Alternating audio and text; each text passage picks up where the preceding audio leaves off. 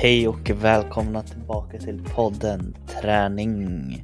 Som vanligt med mig Sebastian och min kompanjon Henrik. Välkomna. Hur är det med dig Henrik? Det är bra. Små seg just nu. Vart, varit ute på en lång cykeltur. Två dagar i rad. Jag ligger ju som jag nämnde i något tidigare avsnitt ligger ju lite efter i min utmaning. Så jag försöker ta igen det så jag har sett att den här veckan ska jag försöka komma någonstans mellan 10-15 mil tänkte jag. Vilket känns rimligt, för uppe i fem nu efter två dagar. Då, då, då känns det rimligt, håller jag med om. Ja, fast det känns, samtidigt så känns det som att imorgon kanske man är helt förstörd. För det... Ja. Sen så får man ju ändå så tänka, alltså cykling går det ju att komma upp. Det är väl därför det gör det. Man kan ju samla mycket mil där på ett annat sätt emot löpning till exempel. Ja, alltså typ som nu, alltså, det var rätt perfekt väder, så här lagom varmt eller kallt eller vad man säger. Lite ljummet. Sätta på en podd, cykla liksom. Så det blir inte samma belastning i benen när man cyklar ganska lugnt utan det som tar stryk är ju väl rumpan. Trots att man har cykelbyxor så efter tre mil så börjar det kännas. Ja, det gör det faktiskt. Det... Man behöver ha bra utrustning och alltså så, här, så är det med allt men så jag känner ju cykling är alltså det det känns som det är viktigare där på något sätt eller så är det bara att jag har så liten koll hur jag sitter på en cykel de få gånger jag cyklar långt men alltså det är inte skönt alltså. Nej men det är ju faktiskt så mycket liksom, det, vilken sadel man har. Sen är det också så här hur högt man sitter för det märker jag ibland att jag får lite ont i knät för jag tror att vi sitter ja, men en halv centimeter lite för högt kanske och sen så är det hur man har styret och allting. Och, och så jämför man också beroende på vilken cykel man har. Alltså min är inte någon, alltså min är en ganska vanlig cykel. Det är ingen direkt proffscykel. Vilket innebär att det är ju lite, hade man haft en proffscykel då hade man ju gått, då hade man ju cyklat en mil på 10 minuter känns det som. Jag kände det om jag hade gett mig ut på en sån nu. Jag har ju till och med en oväxlad cykel. Cyklar jag ju runt på. Det hade inte varit så roligt att ta de milen på alltså. Då får man ha väldigt plant alltså. Du kan väl inte ändra hur du sitter eller någonting? Eller? Nej, alltså jag, kan, jag kunde ändra lite. Vi lyckades lösa till det eh, med höjden hyfsat i alla fall. Men till exempel styret går inte ändra höjd på. Så det, det får ju vara det där, vilket är lite för lågt. Men den, den tar mig fram och tillbaka till jobb. Det är det som räknas, tänker jag. Ja, men det är ju det viktiga. Mm -hmm. Hur är det med dig då? Du har inte cyklat så mycket antar jag? Då? Nej, jag har inte. Jag har cyklat på träningscykel. Det är väl alltid något om man tar det. Du kommer inte lika långt på det bara? Nej, det, det är rätt tråkigt nog. Nej, men eh, träningsmässigt är inte långt i denna veckan heller. Men det som har varit har varit att jag har tagit mig tillbaka lite från en lite lugnare träningsvecka och det är dags att göra en liten ökning nu igen. Det passar också väldigt bra när man har lyxen som jag har lite höstlov. Vissa har det bra. Vissa, vissa har det väldigt bra. Vissa får så... kämpa på som vanligt. Nej, så det är tanken att försöka smyga tillbaka till det som jag varit bekväm med innan. Försöka att satsa på 6-7 pass i veckan och försöka få in lite dubbelpass här och där med få tillbaka styrketräning igen. Jag har ju varit borta från gymmet väldigt länge. Eh, vilket har varit inte så negativt som jag pratade om för några gånger sedan utan jag har känt mig väldigt stark och fräsch. Men nu när man kommer tillbaka och börjar lyfta lite tyngre vikter så märker man ju att man har varit borta ett tag. Så det är lite ovana, verkligen. Det var ju som jag sa häromdagen bara med armhävningar typ. Alltså bara när man inte har gjort armhävningar på flera år sedan så, så börjar man så inser man hur fruktansvärt dåligt tränad man är på just armhävningar. Ja, det är lite det, samma sak egentligen. Det är det, på tal om armhävningar så är det ett pass på gymmet igår då. Ett crossfit-pass där man skulle göra eh, och det hamnade så här man skulle göra några grejer innan. Men det var väldigt många antalet valla och så ser jag att det kommer upp 50 armhävningar. Vilket så här, ja, det, det känns inte orimligt men gud vad det var tungt alltså. Det, efter att ha kört lite i andra pressövningar och sånt innan armarna var riktigt gelé alltså. Men det, det är kul. Det är som vi säger, kroppsövningar är ju bra övningar. Ja, det är fruktansvärt bra övningar. Framförallt om man inte har kört det på länge så inser man ju hur hur bra det är. Eller om det bara betyder att man själv väger väldigt mycket. Det... Kan ju vara det. Sen så något nytt som är lite intressant är att eh, jag körde mitt första pass idag med ett nytt träningsredskap som jag ändå vill säga att det här är riktigt bra. Vill man ha ett träningsredskap hem så tycker jag att man ska skaffa det. Och eh, det är någonting som eh, vi började prata om i avsnitt eh, nummer 28 med våran kära vän Lukas Skog, fystränaren där som nämnde du köpt kallbad? ja, jag köpte ett kallbad. Nej, jag köpte den här flow-tanken om du minns att vi pratade om det lite. Det är ju som en vikt med vatten i, vilket gör att det blir väldigt ostabilt när man ska göra utfallssteg och pressar och sånt. Men det är lite det man vill för att koppla på de här små musklerna, både i båda framför allt, men även just omkring axlar, knän och sånt. Och det blev ett riktigt roligt pass alltså. Du får ge en utvärdering sen för jag tycker fortfarande att de ser livsfarliga ut. ja, jag får en utvärdering. Kanske kan dela något på vår Instagram. Skulle faktiskt vara roligt. Eh, innan vi går vidare till dagens avsnitt så vill jag bara lägga till också från tidigare avsnitt när vi pratade om träningsapparna. Eh, som ni kanske hörde, jag tror det var förra avsnittet jag pratade om det, eller om det förrförra, att eh, jag verkligen fastnade för det här Hitta Ut. Eh, om ni inte har börjat med det så tyvärr så är årets säsong tydligen slut nu. Så att eh, vi får vänta till nästa säsong innan det kommer tillbaka. Eh, lite dålig timing där. Jag blev jävligt besviken när jag såg det igår. För det tog slut i söndags. Det, vi kan ju se om vi har några i andra städer. Det slutar ju olika dagar i olika städer. Ja. eh, har jag fått reda på. Så det kan ju vara så att du har någon dag kvar beroende på vart du lyssnar. Så kämpa på och ta så många du kan för att eh, det har jag också läst på nu att varje kontroll du tar så är en, ja, men en lottlapp typ. Så att ju fler, eh, ju fler kontroller du tar desto större chans har du att vinna priser. Så att, eh, gå ut och ta så många som möjligt. Och det gillar vi ju. Det har vi ju verkligen kommit fram till i denna podden. Att få lite priser för träning helt enkelt. Grattis är gott.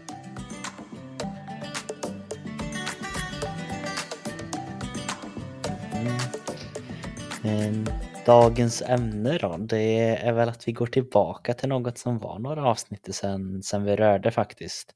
Och det är det här när vi hittar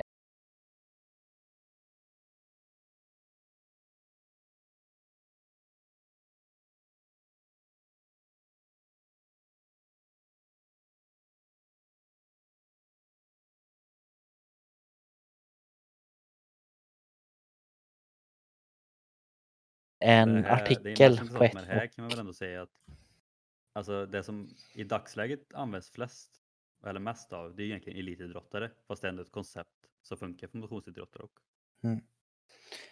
Så själva rubriken då på den här eh, artikeln som vi har hittat den är Så toppar du formen inför ett lopp. Eh, forskaren är den här är Niklas Filander helt enkelt. Eh, vi får hoppas att jag uttalar efternamnet rätt. Eh, och den kommer då alltså handla om hur du som person kan lägga upp ditt träningsupplägg för att vara i absolut bäst form när det gäller, alltså på loppdagen. Om du då ska springa ett kortare eller längre lopp, det spelar egentligen ingen roll utan det är mer inför loppet hur du ska tänka och hamna på den här nivån. Och oftast är det kanske som sagt att man har hört någonting tidigare just kring kanske mest elitidrottare eh, inom konditionen då, att man säger att ah, men nu, nu har Kalla här verkligen fått in formtoppen perfekt inför dagens lopp och sen kanske man inte riktigt vet vad det betyder men vi ska nosa lite på detta och försöka hjälpa till och få er att förstå lite bättre. Eh, men eh, om man tar då lite bara just kring oss innan vi går in lite mer på vad det står. Har du någon gång testat på det här just med formtoppningen för något? Alltså både ja och nej kan man väl säga. Eh, för att jag har haft det inplanerat men jag har aldrig riktigt, jag har inte kommit till den fasen om man säger så. Och det var ju sagt när jag började med, ja, med min EM-satsning Eh, i OCR så tog jag hjälp av en, ja, men en PT eh, som vunnit SM-guld i triathlon bland annat. Och då var ju liksom tanken att vi skulle ha en uppbyggnadsperiod och tävlingsperiod med formtoppning då inför antingen kvalet eller själva EM. Jag tror i första hand var det liksom för kvalet då, för att kvala in. Så det var ju inplanerat så att det skulle komma en formtoppning till kvalet i maj eller när det nu var. Men sen så kom det ju då, jag vet inte om ni har hört det, men det kom ju ett virus där då. Som innebar att eh, allt ställdes in under cirka ett år. Så att eh, och då blev det ju att jag slopade ju alltihop typ. Så sagt, jag hade med det i planeringen så det skulle komma. Men jag hann inte komma dit innan allt stängdes ner riktigt och utöver det så tror jag inte att jag har använt mig direkt av. Nej, jag tänker du har, du har väl ändå så gjort ett visst antal lopp ändå, men jag vet inte om det är det typ så här mer att du inte riktigt har haft förståelsen innan för vad det är eller har du kanske omedvetet gjort en liten formtoppning ändå? Nej, alltså det, har, det är ju sagt varit att det som inte haft Alltså när jag sprang som mest lopp, då var det ju ändå i tonåren och då mm. hade man inte riktigt kunskapen för det. Och sen liksom, när man väl, sen jag typ fick kunskapen om det så har jag väl inte riktigt sprungit något lopp. Alltså för att få så bra som möjligt. Det enda jag, egentligen loppet jag sprungit tävlingsmässigt som jag verkligen ville få så bra resultat som möjligt. Det var ju när jag sprang eh, SM förra året. Men det blir så, alltså min anmälan till det loppet blir ju så tätt inpå alltihopa så det blir ju ändå liksom att jag hade inte direkt haft någon varken uppbyggnadsperiod, jag hade inte haft någon nedbrytningsperiod eller någonting så där blir det liksom bara det fick jag ändå gå lite som det gick. Eh, och det är samma sak när jag sprang mycket tävlingslopp, alltså under tonåren och ung tonår så här, då, då hade man ingen kunskap och det var inte direkt så att jag alltså, tränade speciellt heller. Det var man tränade fotboll, gick ut och sprang lite då och då och sen fick tävlingen gå som det gick. Ibland gick det jättebra, sen vet jag det fanns några tävlingar där man kände redan första kilometern att det här kommer gå åt helvete. Så man hade önskat att man kanske hade lite bättre koll på hur man skulle göra. Men som sagt, jag tror inte jag har gjort det medvetet i alla fall. På något sätt. Har du gjort det? Nej, väldigt kort. Jag har inte heller riktigt någon gång gjort något lopp eller det hade behövts en formtoppning eller för det första haft eh, förståelsen om vad en formtoppning är. Eh, så jag har inte rört det. det. det. kan ha varit någon form utav mer träningsupplägg som skulle kunna mer vara liksom som en att jag vill nå en topp här och då. Eh, rent styrkemässigt och slå rekord i lyft och liknande där man har lagt upp att nu blir det det men det är inte riktigt det är inte samma tänk riktigt där. Eh, men vissa grejer liksom som man gör inför det skulle ju kunna vara liknande liksom som att man har eh, dragit ner på liksom tiden och sen så blir det lite annorlunda med maxlyften där att man drar ju ner lite på vikter och sånt på annat sätt men något som liknar det kanske, något som kan vara på en liten hobbynivå kanske man kan kalla det. Vi kommer väl komma in lite på det senare också, just det här med toppning och återhämtning och sen Sen kan vi också nämna liksom att majoriteten av våra liv och karriärer, om man säger så, så har ju både vi varit involverade i lagidrott och det kommer vi också ta in lite senare att toppning, eller ja, prestationstoppning eller toppa formen så att det funkar inte riktigt på samma sätt för lagidrottare som det är för individuella idrottare. Nej, det, går, det, det ligger ju med någon form att man ska vara så bra som möjligt kanske under en säsong men ja, som sagt vi kommer gå in och röra lite vad det är som sagt. Ehm, men om man går in lite tydligare nu då kanske på själva den här artikeln. Ehm, vad är det som handlar om Henrik? Ja men det är egentligen en artikel, alltså både egentligen med liksom info om vad formtoppning är men även liksom ett tips på hur man ska kunna göra för att lyckas med det. Eh, och de börjar ganska tidigt med att liksom skriva att det här är då främst något för eliten men även att många motionärer kan liksom nyttja det här och de skriver, om man ska citera en mening här, liksom att en motionär kan tjäna många minuter på till exempel ett Lidingölopp. Eh, säger Niklas Wilander, fysiolog vid Gymnastik och idrottshögskolan. Så det är ju liksom då, vad ska man säga, en metod kan man säga som eh, ska ligga till grund för att man ska kunna ja, antingen sätta personligt rekord eller dra ner på minuter eller öka lite kraft eller beroende på liksom lite vad man, vad man har för idrott.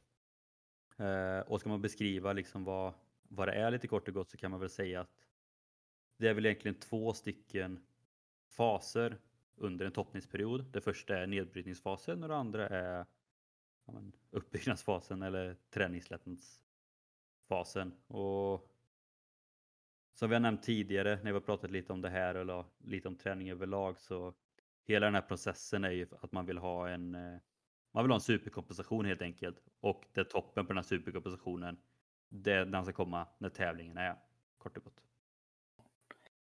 Och det är ju lite trixigt som sagt och det är det ju även för dem som skulle jag säga är liksom top of the top på detta. Eh, proffsen som jobbar med elitidrottare som har de här viktiga liksom mästerloppen, även de har ju lite svårt att kanske pricka in det här exakt exakt och det kan ju bara vara några veckor fel eller det kan ju ha varit att man har lagt upp lite någon, någon dag och man har otur. Det, man vet inte riktigt när det skulle komma och det är omöjligt men man kan ju ha lite hum om det.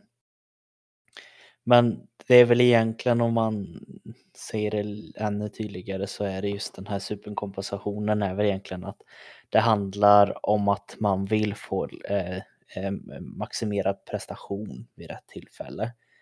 Eh, och det blir ju som sagt att när man tränar, det har vi gått igenom tidigare, om man tänker grafmässigt så är det att om du ligger på en nivå som är liksom i mitten säger vi här är din styrka eller här är din kondition eller här är din nivå just nu. Så blir det ju när du tränar så tror ju väldigt många och det, det är inte konstigt för det, det låter naturligt att när jag tränar så blir jag successivt lite starkare eller successivt lite bättre. Så man tänker ju på något sätt att den här lilla strecket eller att det går uppåt, att man blir starkare och bättre hela tiden när man tränar. Men riktigt så är det ju inte, utan det är ju att när du tränar så blir det ju att kroppen bryts ner. Ett väldigt bra exempel på detta eh, som jag vet att vi hörde i skolan några gånger. Det är att man tänker att de här musklerna, eh, vi säger benmusklerna för du har sprungit, då blir det att de musklerna bryts isär, de blir lite slöare, lite nedbrytna, de går faktiskt lite sönder. Och det som händer då för kroppen är att den, den reagerar ju på detta och säger wow, vad händer här nu liksom? Att, varför går musklerna sönder? Det vill jag inte ska hända. Det är inte bra att kroppen är sönder och nedsliten. Och det kroppen gör då det är att den tänker, aha, jag måste göra de här musklerna starkare eller jag måste göra att jag blir bättre på att utsätta mig för det här som händer för min kropp. Så det den gör då det är att den bygger upp det här igen. Eh, tänker man muskelmässigt så är det protein och lite andra grejer kan man säga som drar igång det. Det blir som byggstenar och de här musklerna blir då lite tjockare och i det fallet alltså lite starkare. Man kan ju säga att kroppen liksom förbereder sig för att inte råka ut för samma kris igen. Ja, exakt ja. Och då är det ju som sagt tanken när, när den har byggt upp det så är den ju som sagt lite lite starkare än vad det var för början. Men det är då det här härliga med träning sker, att när du har kommit upp dit igen, då blir det att då kan du ju pressa kroppen ytterligare lite hårdare, för den är ju lite starkare. Och då går den ner igen. Och då tänker kroppen, ah, men vad skön händer? Och då bygger den upp den. Och det är så träningen håller på, att det blir en liten nedgång, uppåtgång, nedgång, uppgång. Men i slutändan så är man alltså då lite högre än vad man börjar. Så i tanken i alla fall så ska man träna för att få en optimal liksom, eh, förbättring. Så jag kan då säga att alltså, om man tränar på en viss nivå, antingen för lätt nivå, alternativt att man inte får tillräckligt med vila, då blir det bara kompensation. Liksom. Alltså, man kommer tillbaka till noll igen. Man bryter ner kroppen, fast det har varit så på så lätt nivå så kroppen känner liksom att äh, ja, men, det här klarar vi ändå. Så bygger den upp sig till noll igen. Sen finns det då överkompensation, vilket då är när man kanske kör ett lite hårdare pass, bryter ner sig ännu mer och kroppen bara, nej, det här vill jag inte uppleva igen. Och då bygger den lite starkare, precis som Sebastian sa. Och då kommer man lite över eh, noll där då, som man var från början. Och så finns det då den här superkompensationen, vilket innebär att man bryter ner kroppen ännu mer och kroppen verkligen känner att nej shit, nej, det här ska jag verkligen inte uppleva. Det är lite som, som om det kommer en storm typ och ett skjul går sönder. Så tänker man shit, nej. Det här, ska, det här skjulet ska aldrig gå sönder igen. Så att istället för att bygga upp det med samma ruttiga trä som man kanske haft så bygger man upp det med stål. Mm. Då Betong. Ja precis, så då blir det den här superkompensationen och då, blir, då ska det krävas jävligt mycket för att samma, ja, men samma man säga, mängd träning ska bryta ner den lika djupt igen. Liksom. Då krävs det ännu mer för att man ska komma ner till samma nivå igen. Och då är den ju också förberedd och då, liksom, då krävs det så här, mer för att bryta ner och det krävs mer för att bygga upp den ännu mer. Mm. Så det är det här lilla fram och tillbaka spelet som man försöker att jobba med då, helt enkelt. Um, sätt som man just kan få det här att bli just att det går uppåt igen. Och det var ju en av de som Henrik eh, pratade om som kanske är den absolut viktigaste. Det är ju vilan. Eh, för det är det som behövs eh, för att få komma tillbaka. Sen är det även kostmässigt eh, viktigt som sagt att du måste ju få i dig den näringen som behövs för att kroppen ska ha några byggstenar eh, eller ha några betongblock för att kunna bygga upp det här skjulet med igen liksom. Eh, Så det är väl det som man gör då egentligen. Ja, och sen det just det svåraste också med den här ja, men, nedbrytningsfasen och när man tränar. Det är att man vill ju få den så djup som möjligt för att kunna få så hög höjd som möjligt. Men det är ju en väldigt fin gräns från att då få den här superkompensationen eller bryta ner sig tillräckligt mycket så man kanske åker på någon skada. Och det är väl det som är den största skillnaden mellan elitidrottare och motionärer. För att elitidrottare de har så många i teamet runt omkring sig och de har läkare, fysiologer, sjukgymnaster, eh, labbpersonal och allting. Så de kan ju hela tiden göra tester för att se så här att nu är vi så nära gränsen så vi bara kan eller vi kan nog fortsätta lite till eller att okej okay, nu ska vi inte gå djupare för då kommer, kommer vi skada sig. Och medan motionärer kanske det istället är att man tror man kan bryta ner sig ännu mer för att man vill ju sagt ner ganska djupt. Och då kanske man drar på sig en skada istället. Eller så känner man att äh, shit, nu, nu klarar inte jag att bryta ner mig mer fast man kan, kanske bara kommit halvvägs. Och det är lite också som vi pratade om tidigare, just det här med att lära känna kroppen, vilket är jäkligt svårt. Eh, sen kanske det inte är lika stor risk för motionärer, för de kanske inte tränar lika mycket som elitidrottare. Men samtidigt då, de här elitidrottarna, deras skjul då, om man säger det är både betong och stål, eller nästan byggt med diamanter på vissa ställen för att den ska byggas sönder medan en vanlig motionär kanske tycker att deras skjul är stabilt fast det kanske bara är gjort av ja, man ska ta tegel eller någonting. Så att eh, det är samma sak där. Man kanske känner sig lika seg eller lika förstörd eller lika fräsch fast man är ändå byggd på olika sätt.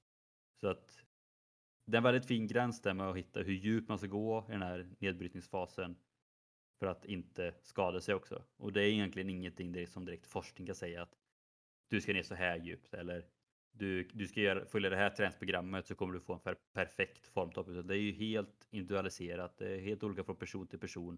Och det gäller bara att man lär, man lär känna sin egna kropp och hur det funkar. För det är inte alltid lätt att fråga typ läkare eller en tränare heller. För att de tar ju bara eh, de ger ju bara råd utifrån vad de hör. Men det är inte säkert att de för de känner ju inte vad du känner. Så att i första hand lita på din egna kropp och verkligen känna efter hur kroppen känns.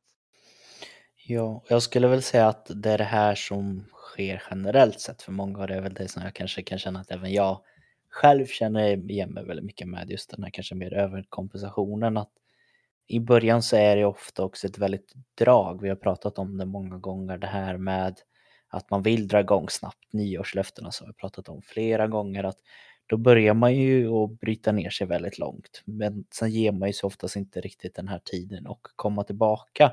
För den här själva perioden, eller vad man ska kalla den, när det ska ske just en superkompensation. Att eh, det, det kan ju, man kan ju lägga upp ett träningsupplägg på olika och det kommer att vara lite upp och ner hela tiden. Men för väldigt många kan jag tänka mig att det är vanligt mer att man, man kör på så länge som man orkar. Och då kan det ju vara för många av dem som kör på så länge som de orkar att de, de pressar sig, pressar, pressar sig. Har dessutom kanske lagt upp en lite för hög intensitet och volym för de har inte ens tränat innan oavsett om det är att det här loppet att man går ut och joggar eller vad det är att det blir för mycket på en gång och då blir det ju den här att du kommer inte riktigt att ge dig chansen att bygga upp dig själv. Om man återigen ska ta det här skjulet som exempel så kan man nästan säga att det blir lite som att man börjar bygga med betong och stål och allt sånt där. Fast man hinner på, kanske bara halvklart eller man missar bygga en vägg eller någonting och då är det inte så jättestabilt. Men man har, man har lite för bråttom liksom. Att istället för att verkligen, som du säger, istället för att kanske göra ett ordentligt jobb så är det bara att man, man slänger bara på teglet. Man, man tänker inte på hur det ligger utan det ska bara bli klart snabbt. Och det, det vet man ju att när man ska göra en form av formtoppning eller bara en form av eh, ökning i prestation eller ökning i styrka eller vad det än det vill det, det, får ta tid. Det är väl det man kan komma överens om just när man jobbar oavsett om det är en formtoppning eller om det är att hålla igång. Att låt det ta tid, ta små steg. För då är det enklare att känna av vart man själv är och då kommer det vara större chans att lyckas liksom med det du vill.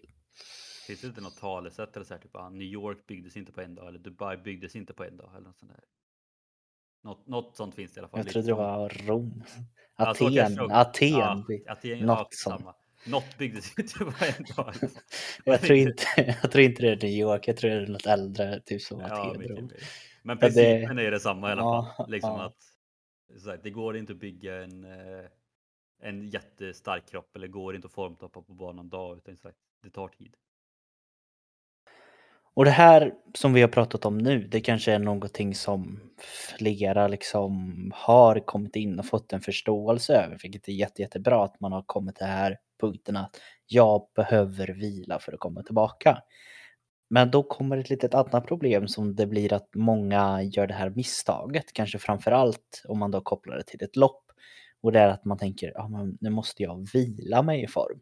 Det är oftast det man hör och det är kanske lite det man kan få ut av bara det vi sa nu i början och att det är vila. Men så enkelt är det inte riktigt. Att man kan inte bara sätta sig i soffan och tänka att nu ska jag vila i fyra, eh, fem dagar eh, och sen så komma tillbaka starkare än någonsin. Utan det man vill göra är väl en successiv nedskärning eller en successiv minskning eh, på ett eller annat sätt. Jag vill bara tillägga att eh, du hade rätt. Det var Rom byggdes inte på en dag. Så mm. Klok man. Ja. Ja, men som sagt så att. För det, det beskriver de ju också i den här artikeln underrubriken kan man säga, eller har de skrivit undvik soffan och sen många gör misstaget att vila sig i form. Det är verkligen ingen bra idé. Eh, och det är ju som sagt så, det är, det är många som tänker så. Det är samma sak när man pratar om att man har tränat mycket och bara, bara behöver återhämta sig. Eh, oavsett om det är formtoppning eller inte. Så bara, ja, men jag tränade, tränade igår, nu kan jag vila två, tre dagar. Och för vissa personer så är det typ det som krävs för att kroppen behövs byggas upp. Men, men sagt, för en formtopp så ger det motsatsen effekt. För att det man gör då är ju sagt att vänja kroppen kanske lite med att med vila, den blir slö, man tappar den här kanske farten och styrkan man har byggt upp som liksom kroppen har vant sig vid. Så som precis som, precis som Sebastian sa här nu så är det istället en, en nedskärning eh, av passen och då är det inte att man ska minska antalet pass eh, och man ska inte köra lugnare utan man ska köra exakt samma pass som man har haft i planeringen eller som man har i planeringen. Man ska köra med exakt samma intensitet och så har man till exempel ja, men heatintervaller eller någonting. Då ska man köra samma pass. Du ska köra dem lika hårt. Det man ska skära ner på är alltså tidsmässigt längden man kör passet. Så ska du köra hitintervaller i 30 minuter. Ja, men du kanske ska köra det i Första dagen kanske du ska köra 25 minuter istället och sen nästa dag 20 minuter och liknande. Så att man trappar ner liksom tidsmängden fast man har kvar samma, framförallt lika många pass och med samma intensitet. Eh, och det trycker de verkligen på i den här artikeln då att eh, intensiteten är särskilt viktig. Och eh, att man då ska dra ner på passen tidsmäss tidsmässiga längd. För det är det som sliter mest på kroppen. Mm. Man brukar även säga att eh, när man kommer till det här så kan det vara bra att man strävar efter att halvera eh, själva längden. Det är någonting som man brukar göra. Det brukar vara ganska tätt in på ett lopp. Då. Ja, de beskriver ju här liksom att ja, första passet i den här ja, men, formtoppningsperioden då, då kanske det ska vara 80% normallängd. Det andra passet ska vara 70% och sen, sen får man ju då ja, planera så att det blir så att, för de skriver liksom att avsluta med ett pass som är cirka 40% av tidigare längd eh, i närheten av loppet då.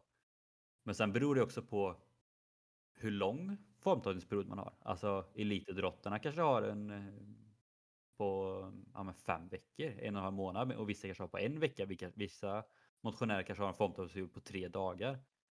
Så då blir det också beroende på hur lång formtoppningsperiod man har och då ja, men hur man ska lägga upp de här passen. Då. För att det är skillnad då om man har brutit ner kroppen under kanske två månader brutalt. Då behöver man en ganska lång formtoppningsperiod för att hinna bygga upp kroppen och se till att man inte har några skador och sånt. Medan vissa kanske bryter ner kroppen under en eller två veckor och då behöver man en kortare period.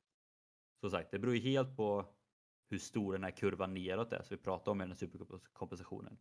Så ju större kurva neråt man har, ju längre tid man bryter ner kroppen, desto mer tid behöver man ju då för att bygga upp den.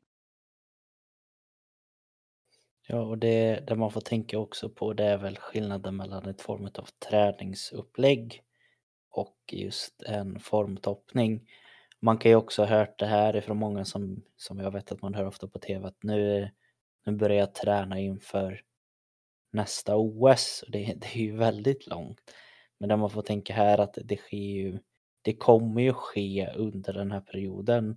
Från ett OS till ett annat kommer det ju ske flera högsta nivåer eller vad man ska kalla det. Att det kommer inte vara så att man bryter ner sig hela vägen utan det kommer ju vara en, lång tid som man kämpar för att komma in till de här, det här slutskedet just. Och då kanske man gör det här lite mer aktivt just inför lopp, eh, skulle jag väl kalla det egentligen. Ja, det beror också på vilken idrott man har. Så att vissa idrotter har kanske ett stort mål på en säsong. Kanske ett, ett VM varje år någonting. Medan om man tar friidrottning som exempel kanske det är ett, dels ett utomhus-VM och så kanske det är SM och sen kommer det också inomhus-EM eller VM också. Liksom. Så att för vissa idrotter kanske det bara är en grej på säsong som man bara, det där är det stora målet, det är det enda vi fokuserar på. För Vissa idrotter kanske det är tre, fyra man fokuserar på och för vissa kanske det är några fler liksom. Så det blir också liksom det blir också sån grej. Ju fler sådana perioder man har, desto svårare kanske det blir att optimera perfekt till varje del. Men man får ju, det blir kanske lite mer upp och ner då. Och något som även den här studien eller artikeln tar upp då, det är att, och det vet man sedan tidigare, att mycket av de här träningsstudierna görs oftast på lite halvyngre män. Eh, och så har det blivit helt enkelt. Eh, och hur tänker man då, men hur tänker man råd till kvinnor då som kanske ska göra formtroppning? Eh, och det är väl så här då att där det inte har gjorts lika många studier på kvinnor eh, då vet man inte riktigt lika säkert eh, om kvinnor borde få andra lådor eller inte just för att få en formtoppning. Något man kan veta vet lite mer, mer däremot är att kvinnor är till exempel tåligare än män och kan klara lite mer belastning.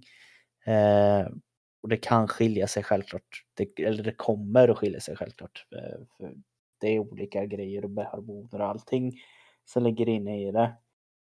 Men det här är också mer att vi vill kanske vara tydliga det här är generella tips. Jag har väldigt svårt att tro att det kommer skilja sig som natt och dag mellan hur en kvinna och en man skulle lägga upp en fronthoppning. Det är nog ingen jättestor skillnad. Alltså det är samma sak som vi märker från person till person.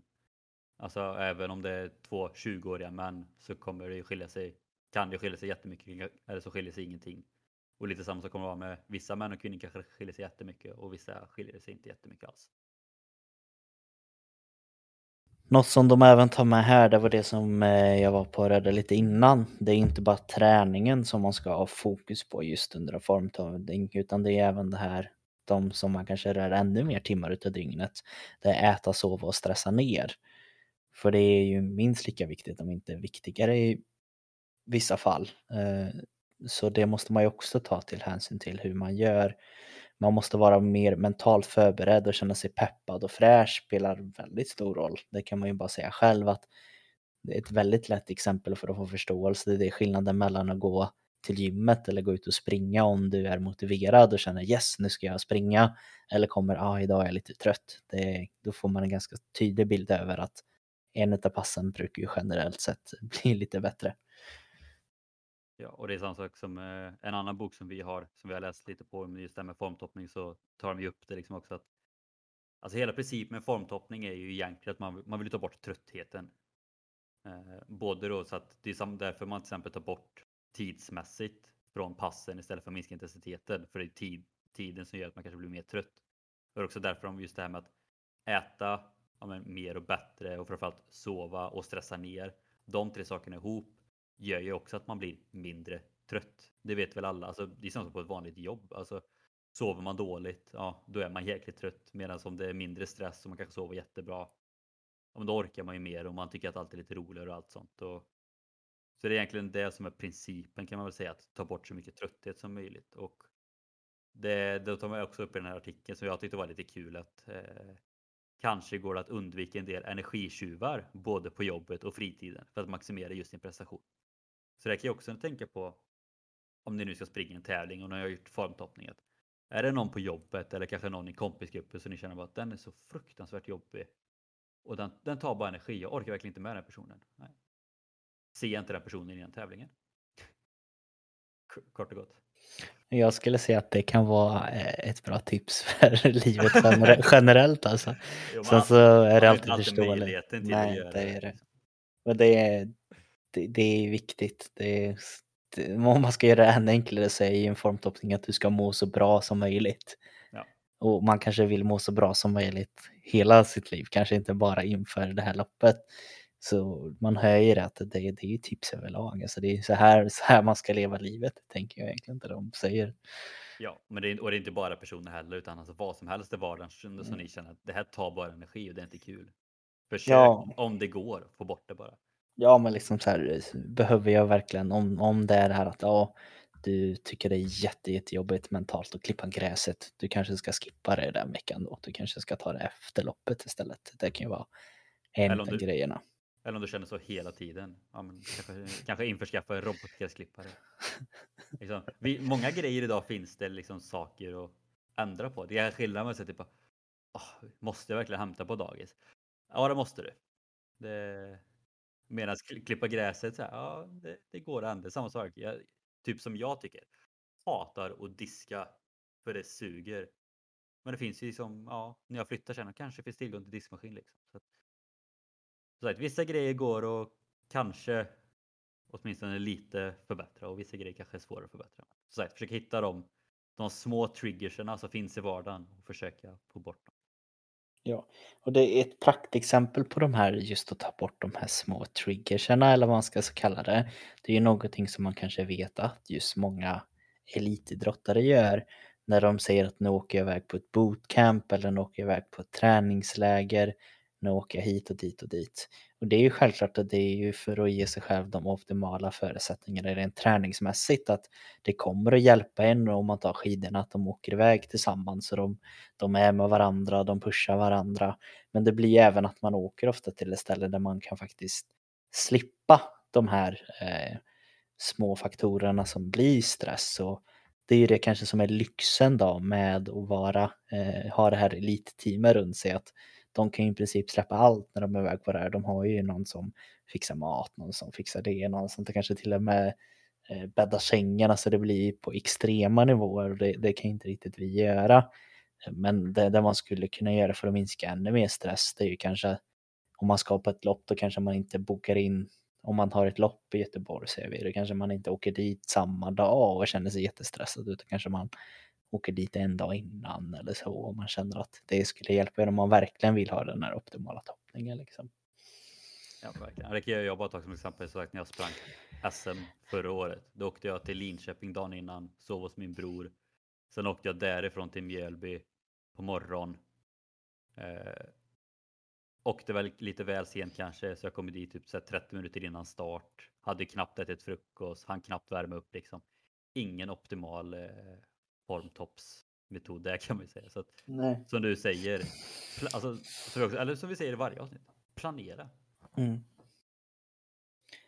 Och nu är det ju så som sagt, det här är ju någonting som vi tagit upp väldigt mycket på en individuell nivå. Att hur, hur tänker man där och hur gör man där, där, där, där. Det är kanske någonting som, kanske framförallt jag, men även du, vi har inte kanske varit supermycket just i det här individuella utan någonting som vi brinner för och har hållit på med hela vårt liv, det är just det här lagsporter som till exempel fotboll, handboll eh, och liknande. Och hur tänker man där då, Henrik? Går det att mm. göra likadant? Kan man tänka samma? Om man drar ner handbollsträningen på det här sättet? Alltså både ja och nej kan man säga. För att den stora skillnaden mellan individuella idrotter och lagidrott är ju sagt att alltså individuella idrotter, då kanske det är, man kanske säger att det kanske är tre tävlingar på ett år man fokuserar väldigt mycket på. Sen kanske det är några så här små tävlingar man tävlar bara för att få tävlingar, fast det, det, de behöver man inte formtoppa till, det kanske är lite mer finslipad teknik och liknande. Medan många lagidrottare så tar man som säger, fotboll, handboll, ishockey. Det är så här, ja men en match i början på säsongen, om vi tar fotboll som exempel. Eh, match i tredje omgången i början av maj är ju egentligen precis lika viktig som Eh, matchomgång 27 i september eller vad det nu är. Vilket innebär att alltså, du har ju match varje helg. Ibland har du två matcher per vecka, ibland kanske det är tre matcher per vecka, vilket innebär att det går ju inte riktigt formtoppa. Så att i fotboll till exempel, där är det snarare att man bryter ner kroppen under försäsongen då, alltså ja, men under vintern.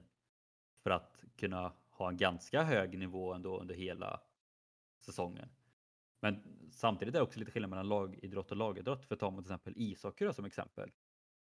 Det är ju inte egentligen grundsäsongen det viktiga. Alltså för många lag så är slutspelet det viktiga.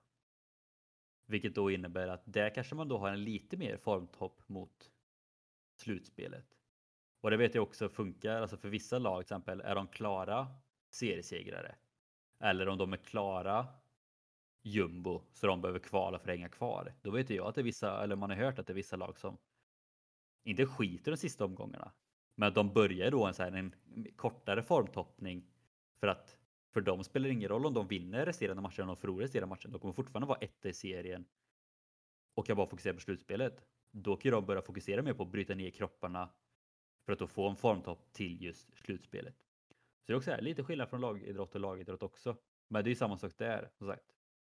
Är det någon speciell del av säsongen man vill fokusera mer på?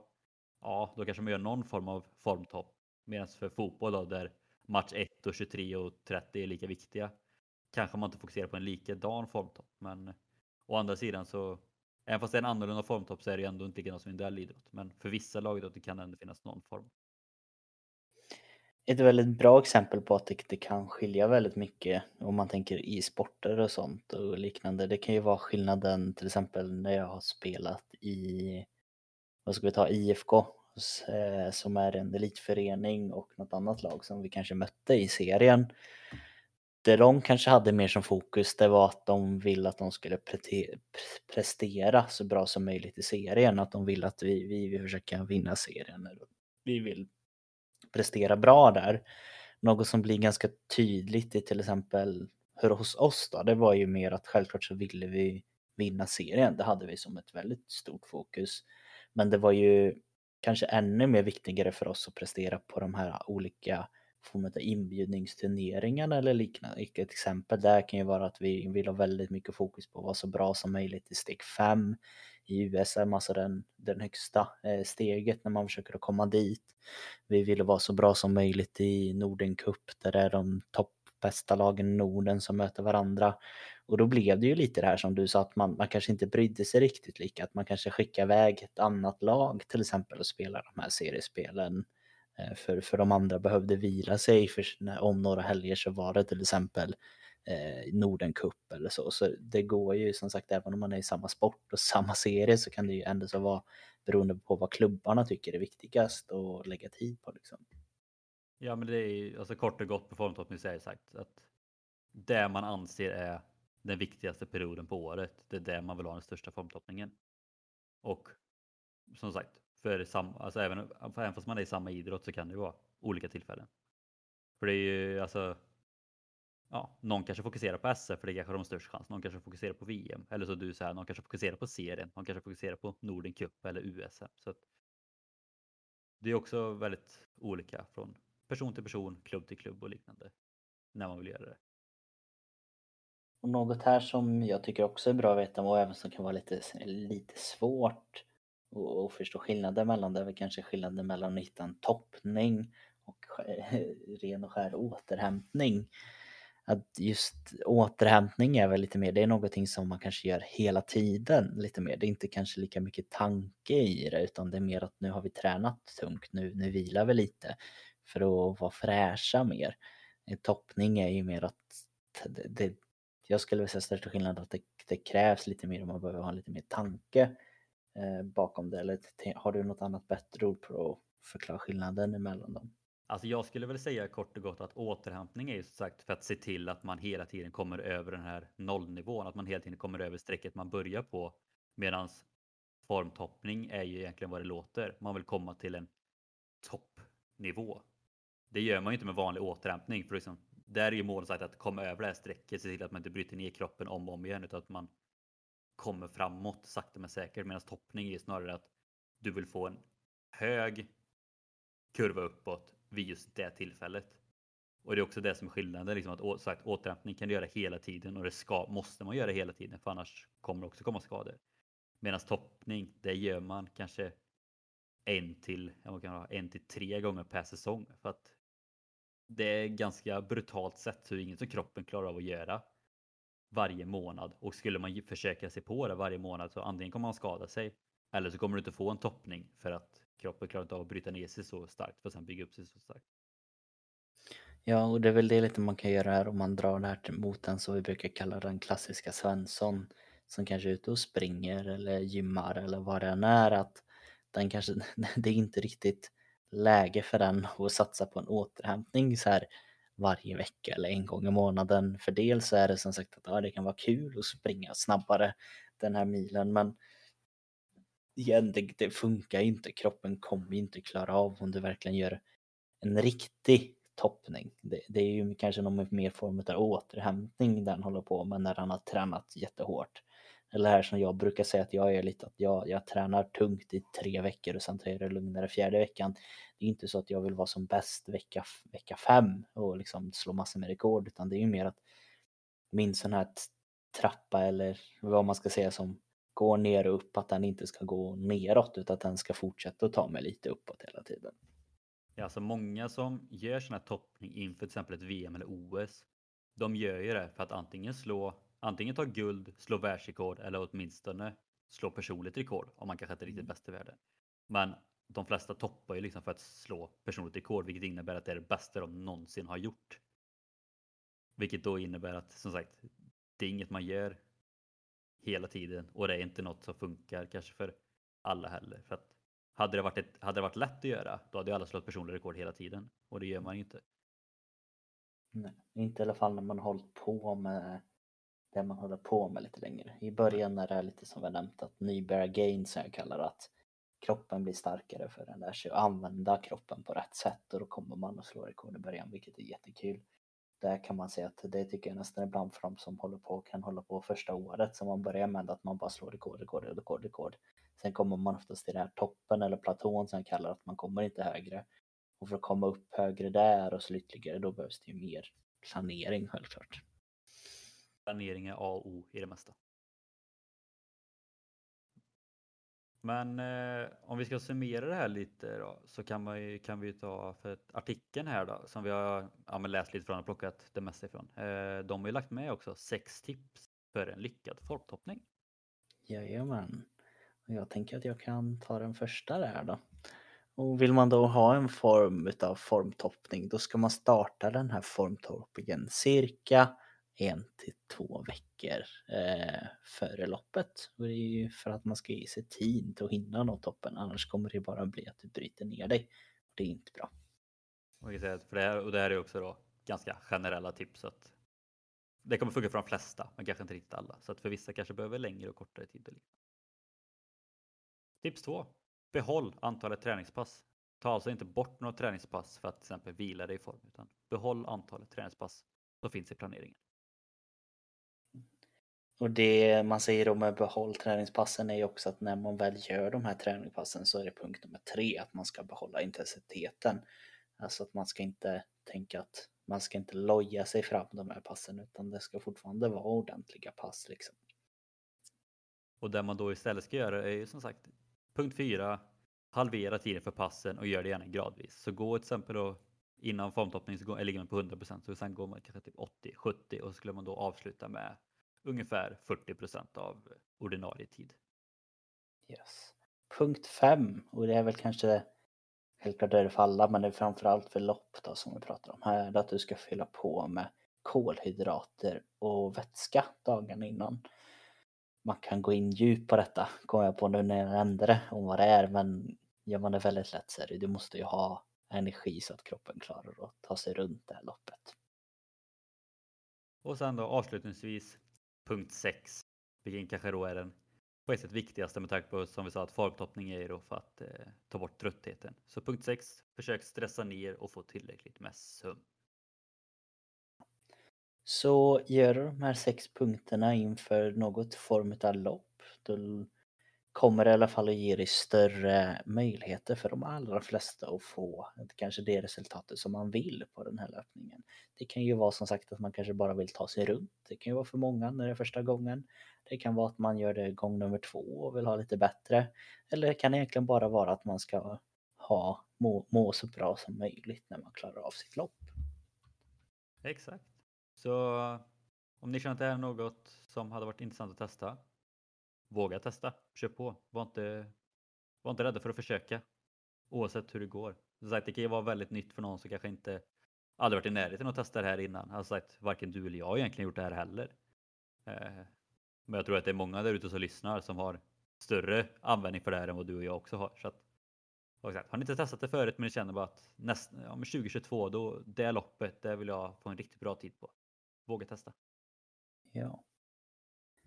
Och som vanligt då, är det så att du gillar det vi pratar om i denna podcasten då är det ju viktigt att se till att faktiskt lägga en liten följning eller prenumeration på eh, våran podcast. Det gör ju att du ofta får upp en liten notis eller i alla fall det blir enklare att se när vi släpper det här nya avsnittet. Ett annat enkelt är ju bara att lägga in i kalendern eh, alla dagar framöver, eller jag tänkte säga men så länge vi håller på i alla fall så ska vi ju försöka släppa de här avsnitten på torsdagar. Så då kan man ju också tänka att gå in där på torsdagen så har vi släppt ett nytt avsnitt förhoppningsvis. Jajamän. Och sen vill jag också bara tillägga att vi närmar oss väldigt snart 2000 lyssningar overall. Så att eh, vi vill verkligen bara säga ett stort tack till alla er som följer oss och lyssnar. Det, det är rätt, riktigt kul att det ändå är så pass många som lyssnar på oss två när vi sitter och pratar. Liksom att det ändå skulle gå det är klart man hade ju förhoppningar av att det skulle vara så här många som lyssnar och klart man har ju förhoppningar att det ska vara fler som lyssnar men jag trodde ändå inte att det skulle vara så här många som ändå håller i och lyssnar vecka efter vecka. Nej, det är vi väldigt tacksamma för. Något som jag tycker att ni kan bli lite bättre på, nu ska jag vara den här lite bad cop, det är att ni ska gå in och följa oss på Instagram. Det tar inte många minuter utan man går in på Instagram, man söker på Traning Podcast. Det är alltså träning fast med ett A för att det, det, det ska vara enklare liksom rent internationellt. Man går in där, man lägger en följ, man trycker på följarknappen. Och det här gör det ju för att det är väl kanske det som jag önskar att vi skulle kunna få lite mer interaktion med. Att när vi lägger ut våra frågor eller lägger ut olika studier eller vad det kan vara, att vi ska kunna ha den här kontakten med er. Det är alltid kul att få de här enstaka liksom, meddelanden som vi får ibland. Men det hade varit ännu roligare om det blir verkligen att man är inne där och svarar på omröstningarna, man svarar på frågorna, man, eh, man lägger det här och det här. För det, vi lyssnar ju väldigt mycket på dem som skriver in faktiskt och det blir så mycket roligare och när man kan ta ett avsnitt som till exempel är ett önskeavsnitt att det här vill vi ha. Eh, jag har, vi har i alla fall några, eller jag vet en som vi ska försöka ha som ett rent önskeavsnitt från en av er lyssnare. Och då det gör vi ett avsnitt om det helt enkelt. Jag tänkte försvara dem och säga bara att fast jag förstår på ett sätt att många kanske inte, eller många, att några kanske inte följer oss för vi själva är ju inte jättebra på att uppdatera. Men så jag kommer på det bara att anledningen till att vi är lite dåliga på att uppdatera är ju också ofta för att just sagt, responsen där kanske inte är riktigt lika bra och då blir det inte lika kul att uppdatera heller. Så att vi får hjälpas åt här, ni och vi. Liksom om, ni, om ni hjälper oss genom att följa oss så hjälper vi er genom att bli bättre på sociala medier också. Så. Är inte bara frågor, det kan ju vara så att du får upp ett helt träningsprogram där ibland. Så du får liksom ett gratis träningsprogram hur du ska träna eller det, det kan vara mycket saker du kan få utav att bara lägga den där lilla följningen. Kan jag säga, bara för att locka lite då, så ligger det faktiskt redan ute både, både träningsprogram och lite videos och allt sånt där. Så. Mm. Smått och gott. Jajamän. Men med de orden då som vanligt så tackar vi just dig som lyssnar på detta avsnittet. Det är som sagt väldigt tacksam och eh, vi önskar er alla en fortsatt trevlig och bra dag.